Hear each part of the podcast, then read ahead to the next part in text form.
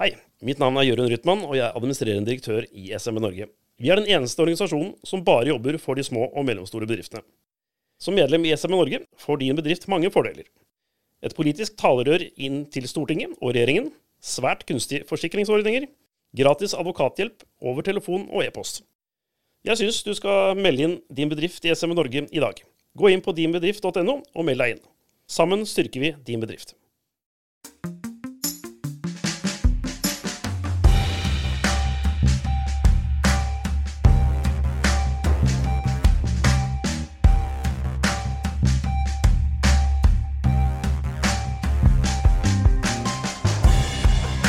Hei og velkommen til en ny episode av SMB Norge-podkasten. Og her i Sandefjord nå sitter jeg, Klaus Jacobsen, og Kristian Eilertsen er med på linja fra Harstad. Ja, jeg skal akkurat spørre han onkel Reisende Mac hvor du er, men eh, hvorfor er du i Harstad? Hva er det som skjer? Nei, sånn er det. Jeg er jo litt sånn pendling av og til, og er da noen ganger i Harstad i ny og ne. Og det er dessverre denne uka, så derfor måtte vi ta denne episoden digitalt denne gangen, og ikke i studioet vårt i Oslo. Ja, Vi håper folk eh, tilgir oss for det, altså, for det er sånt som skjer.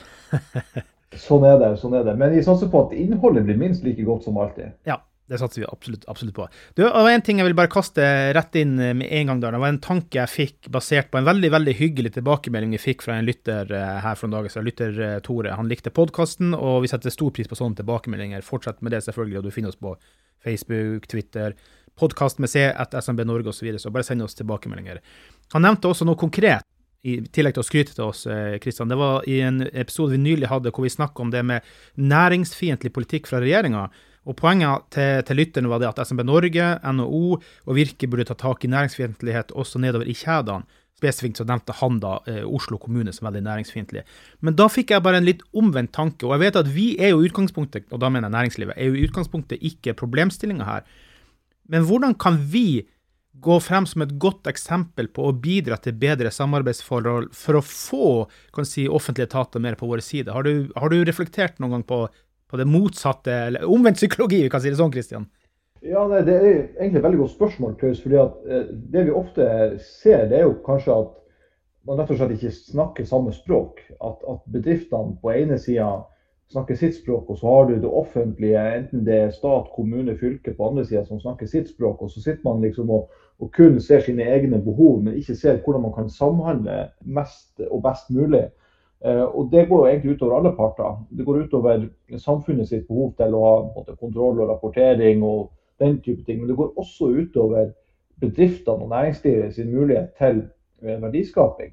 Eh, og det her er jo et, tema som SMB Norge har eh, satt fokus på egentlig mange ganger. Eh, det som vi kaller for holdningsproblemet til eh, små og mellomstore bedrifter og privat næringsliv hos det offentlige. Og det var jo en ting som vi sa, hadde en debatt om på, Arendalsuka, og som vi også har omtalt på denne podkasten tidligere. Altså Halvparten av landets, landets små og mellomstore bedrifter har opplevd at rapporteringskrav går utover verdiskapinga. Og det er også så altså mange som en av tre bedrifter som opplever at de har blitt aktivt motarbeidet av myndighetene. Og klart at Når liksom det er det man, man, blir møtt med, og det, det er de erfaringene man, man har, så, så, blir det kanskje enda vanskeligere å, å, finne et felles språk man kan snakke. Og Her er jo SMB Norge i en, en ganske viktig posisjon da, til å sørge for at politikerne og embetsverket, eh, byråkratiet, får møtt næringslivet, og at næringslivet får møtt dem sånn at man kan få bedre forståelse av hverandre. Og Det er jo noe av det vi jobber med hele tida gjennom hele året. F.eks. gjennom Arendalsuka, de møtene vi har hatt om strømstøtte nå i Larvik i oktober, og det vi skal ha i Asker eh, neste tirsdag. Eh, det er akkurat det måte, det, det handler om, tenker jeg. Mm.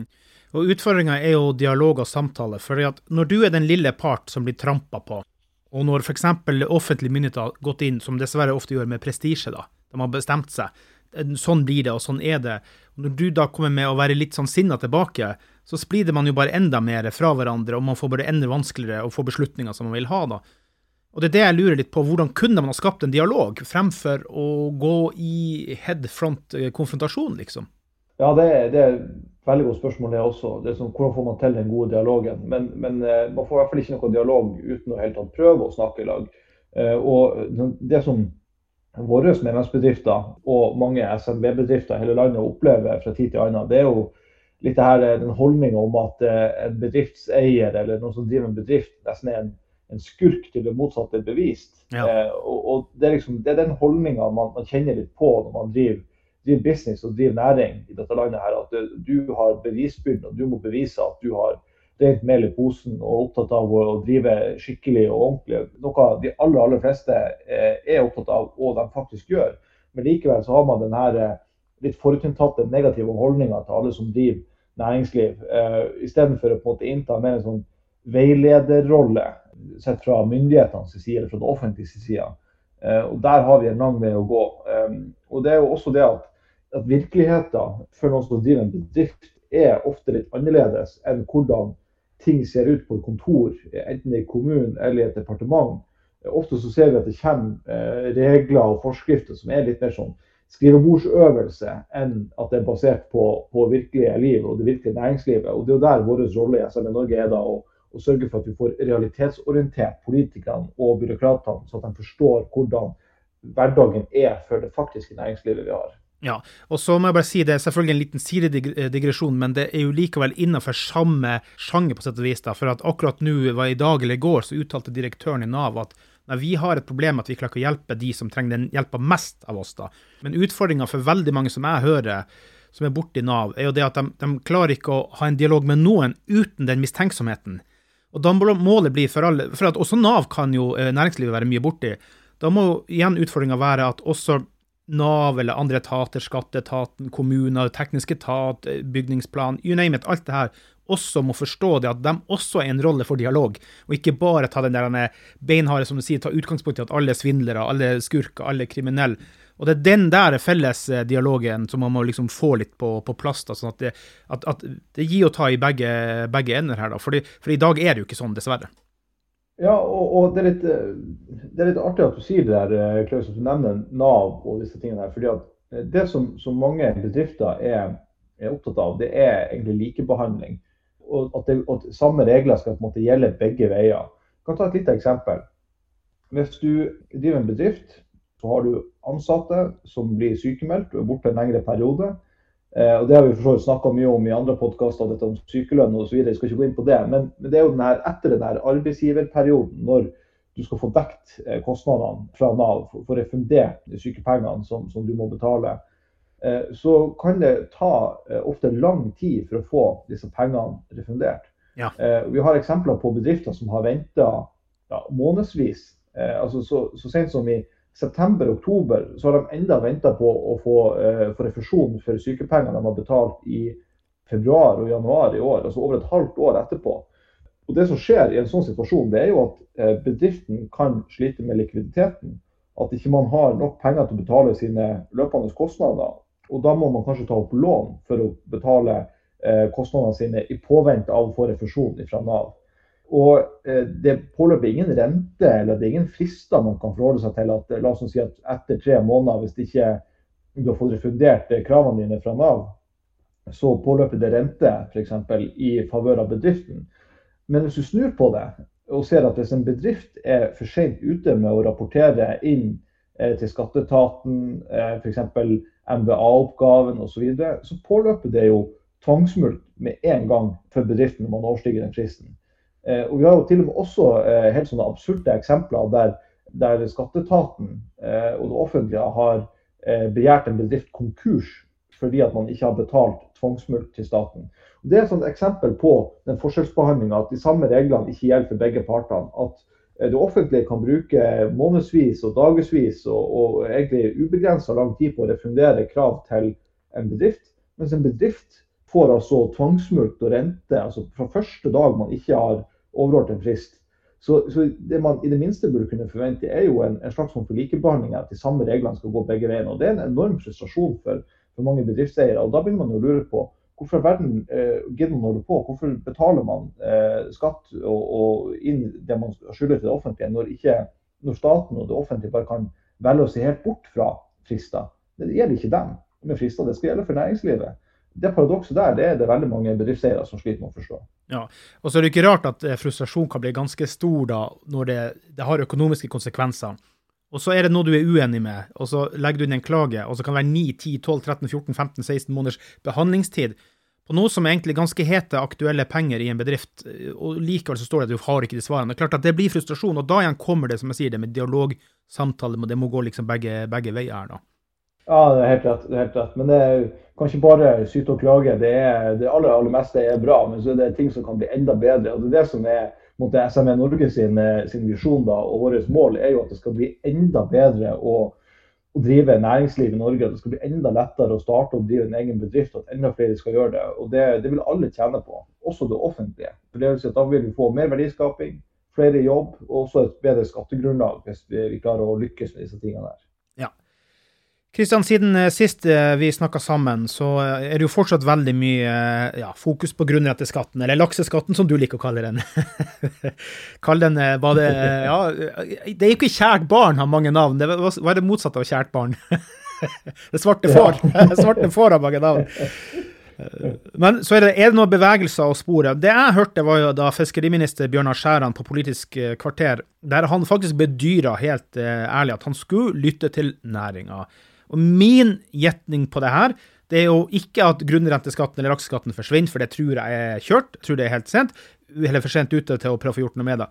Men det jeg tror de kommer til å lytte litt på, håper jeg inderlig, det er det der tullet de hadde med den normskatten basert på fantasipriser. Og det tror jeg kommer til å skje. Men det her er nå skal ikke jeg avsløre for mye politiske holdninger sjøl, men det er litt sånn typisk å begynne veldig høyt for så å vinne på noe lavere.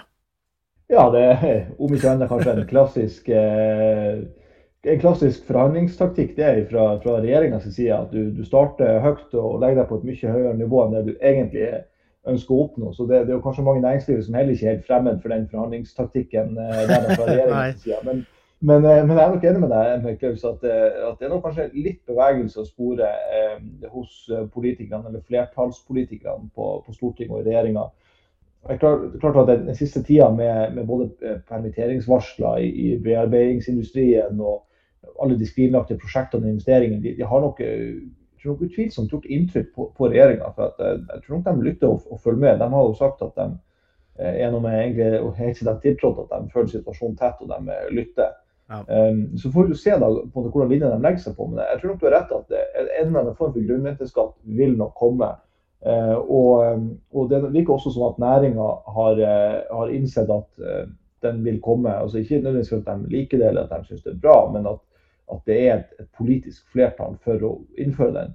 Men, men det som gjenstår å se, er jo hvordan den faktisk blir utforma. Det er jo der egentlig hele striden har, har ligget. At uh, man, man, skal innføre en skatt uh, fra 1.1 uten at man vet hvordan den skatten faktisk skal være og hvordan den skal fungere. før langt ut i neste år. Ja. Eh, og Det har vært den sentrale kritikken fra næringslivet. Eh, og det som vi har vært inne på også i tidligere episoder i podkasten her, Klaus, at eh, den aller, aller viktigste rammebetingelsen politikere kan sørge for å gi næringslivet, er forutsigbarhet, forutsigbarhet, forutsigbarhet. For å eh, omskrive litt eh, vår venn i Arbeiderpartiet, Martin Kolberg, som snakker om fagbevegelsen, fagbevegelsen, fagbevegelsen. ja. så, så, snakker, så, snakker, næringslivet om forutsigbarhet, forutsigbarhet, forutsigbarhet. Ja. Og klart at eh, hvis Norge må jo aldri ha en situasjon at politisk risiko er noe som man må drive og kalkulere med eh, for å kunne drive eh, næringsvirksomhet. Eh, det er noe man må gjøre i eh, mange andre land som vi ikke liker å sammenligne oss med. At man må på en måte kalkulere inn politisk risiko. Det er litt det man har sett med denne her lakseskatten. at at det har oppstått politisk risiko inni en rekke investeringer og planer som næringslivet har. Og det er det er døden for, for, for, all verdiskaping, rett og slett, vil jeg si. Ja, og så må jeg bare få si én ting, da. at Selv om janteloven er dansk, så, så jeg har vært litt frustrert over å lese alle de nyhetene. Eller jeg vil si, spesielt sosiale medier osv., både politikere, folk, kommentariatet. fordi at ja, det går jo så fint, at det er jo så mange milliarder, og det er ikke ditt og ikke datt. Men man må skille to ting her, da. fordi at du har jo oppdrettsnæringa den, den, den, er der, den drives, og den, liksom, den skal være der. Og så det andre er jo disse videreforedlingsfabrikkene for å skape, og det er jo dem som blir ramma. Oppdrettsnæringa fortsetter. Men det er det å lage mat ut av det som, som på en måte blir ramma her. Og så klarer man ikke å se den forskjellen på det at her ales det opp i merdene eh, fisk, og den skal fortsette, mens her skulle vi ha laga fiskepinner på fabrikken, men vi gjør det ikke, fordi at de kan ikke tjene penger på det. Så man må klare å skille litt klint mellom hveten, eller hva skal vi si, eh, fiskefôret og, og, og, fisken på bordet. Er det snørr og bart? Ja. Nei, men, sånn, men det, det, som er på en måte også et viktig poeng her, Klaus, det er at eh, at Jeg jobba en gang i, i Gelman Kise. og Da mm. hadde jeg en sjef som het Hans Gelman. Og Et av hans slagord var 'Står du stille, blir du skutt'. Ja. Og, og, i den sammenhengen her, grunnen til at jeg trekker dette fram, det er at eh, du sier at ja, at laksenæringa er der, at de vil fortsatt tjene penger osv. Men Eh, saken er at De trenger å tjene penger og bygge opp kapital for å kunne gjøre nyinvesteringer og for å kunne videreutvikle teknologien eh, og de anleggene de har. For at Hvis de ikke gjør det, så vil den næringa bli utkonkurrert eh, fra andre plasser i verden. Og eh, det her er altså så vanvittig sterk næring i Norge som skaper så vanvittig høye verdier og gir arbeidsplasser lokalt på en måte som få andre næringer i Norge har vist seg i stand til å gjøre. At, at vi er nødt til å, beskytte den fra utenlandsk konkurranse. Og det gjør vi i hvert fall ikke med å skape uforutsigbarhet og, og tappe dem for, for, midler til å kunne gjøre investeringer. For at, klart at det her er, det er ikke eh, eh, hvilken som helst næring. Det er jo en næring som driver til havs. Det er svære anlegg og, og, som, som koster penger å utvikle og investere. Så er det en enorm biologisk risiko også i næringa. De kan risikere å få et, et lusutbrudd eller sykdomsutbrudd som gjør at de må slakte ned hele bestanden sin. Eh, og derfor gå på et enormt tap i ett år. Så klart Det ene året så kan de ha enorm fortjeneste, mens neste år så er det ingenting. Hvis de ikke da har bygd seg opp litt kapital, noen buffere eh, å, å, gå på, eh, så, så vil den næringa ikke ha en fremtid. Og, og, det, og, det, som også er litt interessant, det er jo at vår venn eh, Jan Kristian Vestre, næringsminister, i forbindelse med strømdebatten, han har jo snakka om at det, det, å drive næringsliv, det er å drive på, på egen regning og risiko. Ja. Og det er jo akkurat det eh, laksenæringa og oppdrettsnæringa ber om å få gjøre. De vil drive næringa på egen regning og risiko. Men klart at da kan ikke staten konfiskere og inndra alle ressurser de klarer å generere. Alle, alle netto overskudd de klarer å generere, skal liksom konfiskeres av staten. Da er det ikke lenger egen regning og risiko. Da må jo staten gå inn og hjelpe næringa hvis de sliter et år. Og Det, det syns ikke vi noe om eh, fra SME Norges side. Vi vil jo at næringslivet skal klare seg sjøl uten almisser og handouts fra det offentlige. ikke sant? Ja, jeg er jo veldig innovasjonsoptimist, og heldigvis pga. teknologi og innovasjon og utvikling, så er det her en, eh, problemet med laksesykdom og sånn er jo blitt kraftig redusert. Det skjer jo nesten ikke mer. Og der ser vi hva teknologi og innovasjon faktisk kan skape og gjøre, da. Og så en ting før vi går til en liten reklamesnutt etterpå. Formuesskatten er det flere som har etterlyst. Og nå senest i dag igjen var det en ny eh, sak med en som flytter til eh, Sveits.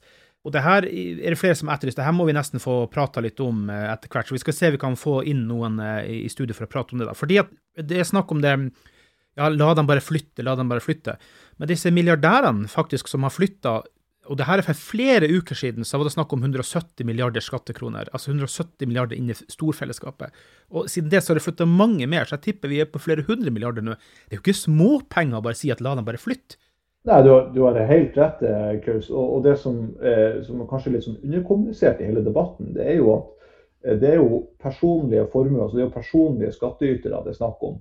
Eh, og en stor del av det de skatter, går jo til kommunene. Så det vil si at Hvis det er en, hvis det er en såkalt riking med mye kapital som, som flytter formuen sin ut av landet, eh, så vil jo den kommunen som den personen var bosatt i, også tape store skatteinntekter. Så det rammer også eh, lokalsamfunnene våre at folk med mye midler flytter formuene sine ut av, av landet. Eh, så, så det, er, det, er, problematisk, dette med formuesskatten. Men, men, igjen, da er vi litt på, på ikke på, på SMB-fokuset, da er vi med på de litt store eh, tilfellene, de med store formuer. Men ta et eksempel fra statsbudsjettet som regjeringa har foreslått. Der, der, foreslår de jo å øke satsen på de minste formuene. Altså dem som er fra eh, intervallet jeg tror det var 1,8 millioner til 20 millioner, altså trinn 1 i formuesskatten. Mm. Derfor foreslår de å øke den satsen. Og Det er jo kanskje i det sjiktet du typisk finner SMB-bedriftseierne, eh, som har klart å bygge opp en, en liten formue. Og Den formuen består jo ikke av penger i madrassen eller som er noe som er innsydd i sofaen. Det, det, er jo verdien av selskapet og av bygningene og driftsmidlene de har. Men der skal også regjeringa ha litt, litt kred, for at de har også foreslått der å, eh, å øke rabatten eh, på verdsettelse av, eh, av driftsmidler. Men, men, så vil de da også da redusere, og det er det kritiske, de reduserer rabatten på aksjer f.eks. Ja. Så har du et selskap som går godt og er verdt mye, så vil da på en måte de aksjene, verdien av aksjene du har i det selskapet, du må skatte mer av det i formuesskatten neste år. Så, så klart at Formuesskatten er ikke bare viktig med tanke på de, på de, store, men det er også noe som berører veldig, veldig mange av de små eh, aktørene.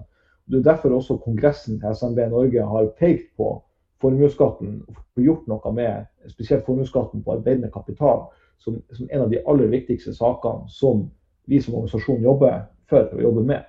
Eh, så det er en sak som vi er nødt til å utforske litt mer i en, en podkast eh, fremover, tenker jeg. Eh, Klaus. Ja, og så må jeg bare si det neste uke, da. Det vil si for, for oss nå neste uke, men for lytteren så er det sannsynligvis på samme dag. Så skal vi jo faktisk få treffe ordføreren i Asker, hvis jeg ikke husker helt feil da. Og hun sa det når Røkke flytta fra, fra Asker til Sveits så sa vel det at ja, det er jo synd vi taper Jeg husker ikke tallene, så tar det litt sånn på Men det var sånn 70-80 millioner han bidro lokalt rett inn i Askekassa. Det er mye penger. Men hun så det faktisk litt annerledes og sa at Røkke har bidratt med så mye fint for oss i så mange år, så at jeg unner han det her, da. Så det var veldig sånn uh, positiv overraskelse over ordføreren sa det på den måten. Det var ikke sånn se, se nå stikker med pengene sine, men, men hun takka for det han hadde bidratt med alle de årene frem til da. Ja, det, og jeg tenker at det er den rette holdninga å ha som ordfører, å takke Eh, næringsliv, næringslivsfolk som skaper verdier for eh, ja, seg sjøl, men også for veldig, veldig, veldig mange flere enn seg sjøl. Og det er det som er viktig å huske på når det gjelder næringspolitikk, det er at når det regner på, på presten, så, så drypper det på klokkene også.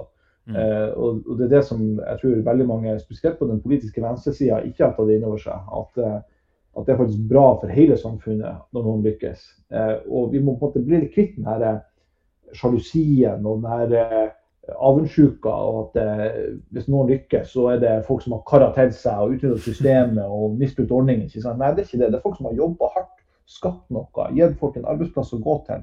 Det, det, det, sånne folk vi trenger enda flere av. Vi må heie på dem. og Derfor syns jeg det er veldig bra at vi har noen ordførere rundt omkring som, som heier på, på, lokal verdiskaping og heier på folk som, som skaper arbeidsplasser og verdier.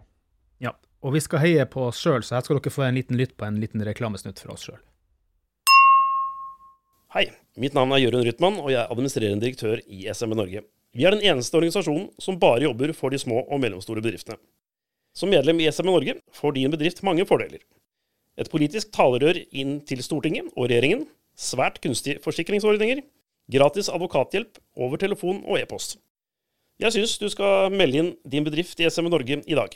Gå inn på dinbedrift.no og meld deg inn. Sammen styrker vi din bedrift.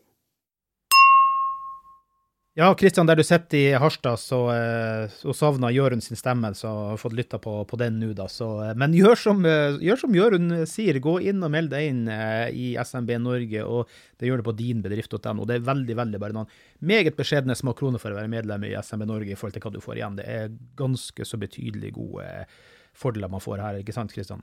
Ja, absolutt. Og ikke minst så, så, står du da på, på lag, eh, sammen på lag med eh, den eneste organisasjonen som jobber bare for de små og mellomstore bedriftene. Eh, den stemmen er ofte egentlig en stemme som høres for lite i samfunnsdebatten. Så SMB Norge er den eneste organisasjonen for deg som driver en liten bedrift. Håper at du melder deg inn og står på lag med alle andre som driver en liten bedrift i dette landet. Kristian, siden sist, igjen, ting som har skjedd, og det forandrer seg i samfunnet og i hele tatt. Altså, jeg har jo for så vidt, da vi snakka sist om at strømprisene var såpass lave, nå ligger de og vaker på en par kroner, sånn at nå begynner det å skje ting igjen, da. Og nå så har enkelte andre våkna opp, som f.eks. Virke, som har funnet ut at ja, men eh, det var jo ikke det vi, vi ville at regjeringa skulle være enig om med strømpakken, så nå er de ute og klager. ja. ja, det er sånn ikke man, man tror det man leser og, og, og tror det man hører det er jo eh, Jeg tror det var hun eh, jeg tror konstituert direktør i Virke som var ute og sa at, eh, at det her var si, ikke det de hadde signert på. Dette var ikke det vi hadde stilt oss bak. og at dette her kunne ikke lenger støtte. Og at det, det hjalp altfor få bedrifter. Ja, men, men, det var jo akkurat det ja. vi påpekte da det her var oppe til diskusjon. og i de møtene som SME Norge var til stede i, der også Virke var til stede, så, så sa vi jo alle de tingene der. Men det er jo, eh, det er jo synd at ikke eh, vi kunne stått i lag, SME Norge, Virke og NHO, stått i lag og forventa og krevd et eh, betydelig bedre strømstøtteordning for, for bedriftene. Fordi at, og det, det, som er, det, det som er liksom også da, Jeg skal ikke si at det er synd med lave strømpriser nå, for det er jo absolutt positivt. Eh, og det gir jo mange bedrifter et, et, pusterom. Men da kan det være litt lett å, å glemme av akkurat i øyeblikket hvordan ting vil bli i, fremtida. For det var dette med forutsigbarhet. For vi vet ikke hvordan strømprisen vil utvikle seg gjennom vinteren. Vi vet at akkurat nå så er vannmagasinene i Norge så å si proppfull. Jeg tror fyllingsgraden var opp mot nesten 90% i Sør-Norge. Det har regna som, som, bare det de siste ukene. Det ja. sikkert de aller fleste merka, både på godt og vondt. Men, men også, ikke minst gasslagrene i Europa er jo også proppfulle akkurat nå. LNG. Det har på en måte Yes. Mm. Det, har, det har kjørt prisen ned. Men det er på ingen måte gitt at det vil vedvare gjennom hele vinteren. Og det er den uforutsigbarheten der hva slags strømpris skal du budsjettere med fra januar til, til juni. Eh, og ikke bare fra, ikke fram til juni, men også eh, fra juni og utover resten av året. Skal du budsjettere med en strømpris på sånn som den er til 2022? Eller skal du budsjettere med en strømpris sånn som den var i 2019? Det er det som er veldig veldig vanskelig for, for mange bedrifter. Og hvis de skal budsjettere med en strømpris sånn som de har vært gjennom hele 2022, eh, så vil det være kroken på døra for mange. Eh, men det er klart hvis strømprisen er på, én krone eller halvannen krone, så er det lettere å, planlegge. Så det er litt lett å glemme av da, kanskje akkurat i øyeblikket når vi har fått en liten pustepause, hvor kritisk den situasjonen egentlig er. Ja, men likevel, sist gang du snakka sammen, så var den på to øre, og nå ligger den på rundt to kroner. Det er fortsatt en ganske stor vekst i seg sjøl, det da. ja, det er dramatisk. Men der du sitter nå, vet du, i Harstad, så trenger ikke du å bry deg om det. Det er det verste av alt. Så du kan jo fyre opp badstue og kose deg, du. ja, her oppe fyrer vi til kråken gjennom hele vinteren. Ja, for det, det, i nord trenger man ikke å tenke på det her enn så lenge, da. Ja, nei, det, det vil vise seg. Det er jo klart at men liksom, Strømforbruket i Nord-Norge er jo eh, uansett vesentlig høyere gjennom hele, gjennom hele året, egentlig. Og, og, det er jo en lang vinter, høyt forbruk. Eh, klart at det koster eh, mer. Og Det er jo kanskje det som man har sett da nå. Nå har på en måte eh, bedriftene i Sør-Norge har kanskje fått erfart litt nå hvordan det kanskje kan være i Nord-Norge til tider. Med når, man, når forbruket er høyt og prisen også er høy. For strømprisen i Nord-Norge er jo høyere om vinteren enn hva den er på sommeren. Når det har vært snøsmelting all masse. ikke sant? Så det, det, det, er ikke heldig. Det må være mer forutsigbarhet i, i systemet. Det må være mer forutsigbare priser, så alle vet hva de skal forholde seg til, rett og slett. Mm. Og eh, neste uke, det vil si samme dag som denne episoden kommer ut, så er jo det eh, neste konkursbølgearrangement på vegne av SMB Norge på Scandic i Asker. Kanskje vi skulle invitert Virke dit da, for å komme og være, være i fellesskap her med oss da? Ja, det hadde vært det aller beste om SMB Norge, eh, NHO og Virke kunne ha utgjort en felles front om strømstøtteordninga. Så, så Virkesen er medlemmer og selvfølgelig hjertelig velkommen på det åpne møtet vi arrangerer i Asker eh, neste tirsdag. 29.11. Det er et møte som vi arrangerer i lag med eh, Asker næringsforening og Bærum næringsråd, som for øvrig, for øvrig gjør en god jobb for, for, sine medlemmer lokalt. Der vi ønsker å rett og slett, å, å, som vi har vært inne på tidligere i denne episoden, Klaus, om at redusere den avstanden mellom politikere og næringslivet. At man får muligheten til å få frem hvordan situasjonen er for, for sin bedrift til politikerne. Eh, det er helt nødvendig. Så vi har invitert eh, hele Akershus-benken fra Stortinget til møte, og vi har fått en del eh, gode svar allerede. Hans Andreas Limi fra Fremskrittspartiet stiller opp. Ok, yes. Eh, Hans Andreas eh, Limi fra Frp, han hadde vi jo bekrefta sist. Også ordføreren Konradi. Men det er et par nye politikere også som har meldt seg på nå, bl.a. en som er stortingsrepresentant, men også lokal hva heter det, askerbøring eller askerbæring, eller hva heter det? I hvert fall for Asker. Ja, eh, det er Ragnhild Hartvigsen fra Arbeiderpartiet, stortingsrepresentant. Hun er fra, fra, Asker kommune, så hun er jo sånn sett lokalkjent med næringslivet der. og Det er vi veldig glad for at hun prioriterer å stille opp på, det, på møtet. Eh, og I tillegg så har ordfører i Bærum, Lisbeth Hammer Krogh, også sagt at uh, hun stiller opp um, på møtet. Og I tillegg er det flere lokalpolitikere som også kommer dit. Eh, og Der håper jo vi at eh, Virke sine medlemmer også stiller opp. for å si det sånn. Eh, og så ser at hvem det er som setter fokus på de sakene som faktisk berører landets små og mellomstore bedrifter. Mm, mm. Og for bedriftene der ute som, som vil dit, da, så selvfølgelig det er bare å møte opp til Scandic Asker klokka 6 til 29.11. Men finn også arrangementet, for det finnes på Facebook, mener jeg. Husker gjør det ikke det, Kristian? Jo da. Eh, gå inn på eh, SME Norges Facebook-side, eh, og så vil du da finne arrangementet som heter 'Før konkursbølgen kommer'. Åpent møte om strømsituasjonen for bedrifter i Asker og Bærum. Der kan man gå inn og se arrangementet, og gjerne trykke på, på 'skal', så vi vet hvem som kommer. Det er til en stor fordel for oss. Det som er veldig positivt, Kristian, da, for det har vært en reell frykt, det er jo rasjonering. Statnett var ute rett før vi gikk i gang og trykka rekorder og sa at det er veldig lite sannsynlig med strømrasjonering i vinter. Så det er i hvert fall positivt at man ikke må begynne å skru av fryserne og fryseboksene og, og alt sånt. Sånn at litt fremgang er nå det, i hvert fall, da. Ja, ja, absolutt. Altså, ingenting er jo bedre enn at, at det ikke uh, går verre enn hva det har vært nå i høst og i sommer. Klart at det, det var jo den store frykta vi hadde i, i uh, sommer og tidlig i høst. At det kunne bli strømrasjonering uh, gjennom vinteren. og Det ville jo ha vært kjempekritisk for, for næringslivet. Så, så, vi kan ikke annet enn å bare prise oss lykkelige over at, at det ikke an, ligger an til å bli strømrasjonering i vinter. Men det betyr jo ikke at strømprisen blir lav av den grunn. Eh, og ja, det er det med uforutsigbarhet som, som er, er, det store problemet. Eh, så, så det, her er, det møtet er fortsatt eh, like relevant, det er like viktig. Og vi håper at eh, flest mulig bedrifter stiller opp på det møtet og får fortalt politikerne om sin situasjon. Mm. Ja, Kristian, da skal vi ta og runde av. da, Så håper jeg du også kommer deg sørover til snøkaoset. Fra nord er det ikke snøkaos, men her i, her i sør har vi hatt mye snøkaos.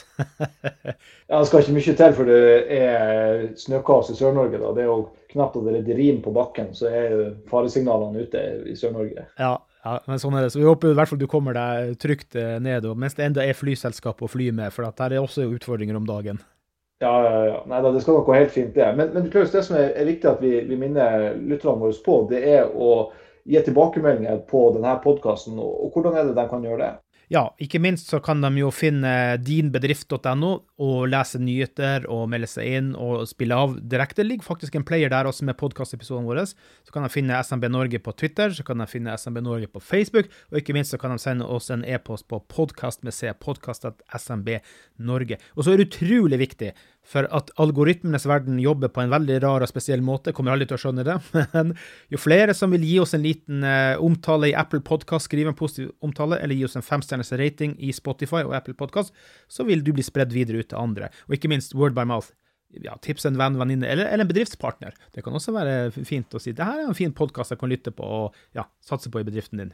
Ja, Vi håper at alle går inn på enten Spotify eller på Acast og gir tilbakemelding Søk gjerne fem stjerner på, på, Spotify. Du kan vel gjøre det samme på Acast også, kan du ikke det, Klaus? Ja, Apple Podcast i hvert fall. Jeg vet ikke om Acast har kommet med, med akkurat det. Men uh, det er for så vidt en merkelig greie at ikke flere satser på det. Men i hvert fall Apple Podcast og Spotify, der får du rate oss på Og som sagt, som vi nevnte før, bare lomme fem stjerner. ja, bare, vi er den nye femstjernersbevegelsen. Det kommer jeg til å si fremover hele tida. Ja. Og så er det viktig også, skriv gjerne, skriv gjerne en kommentar også på Apple, sånn at vi også får med oss spørsmål, i ting du ønsker å, å gi oss tilbakemeldinger på. Så det hadde vært utrolig nyttig om du orker å bruke fem sekunder på å skrive en kjapp kommentar til oss. Ja. Og frem til neste gang, Kristian, så sier vi bare takk for i dag. Takk for i dag, Klaus. Hei, mitt navn er Jørund Rytman, og jeg er administrerende direktør i SMB Norge. Vi er den eneste organisasjonen som bare jobber for de små og mellomstore bedriftene. Som medlem i SMB Norge får din bedrift mange fordeler. Et politisk talerør inn til Stortinget og regjeringen. Svært kunstige forsikringsordninger. Gratis advokathjelp over telefon og e-post. Jeg syns du skal melde inn din bedrift i SME Norge i dag. Gå inn på dinbedrift.no og meld deg inn. Sammen styrker vi din bedrift.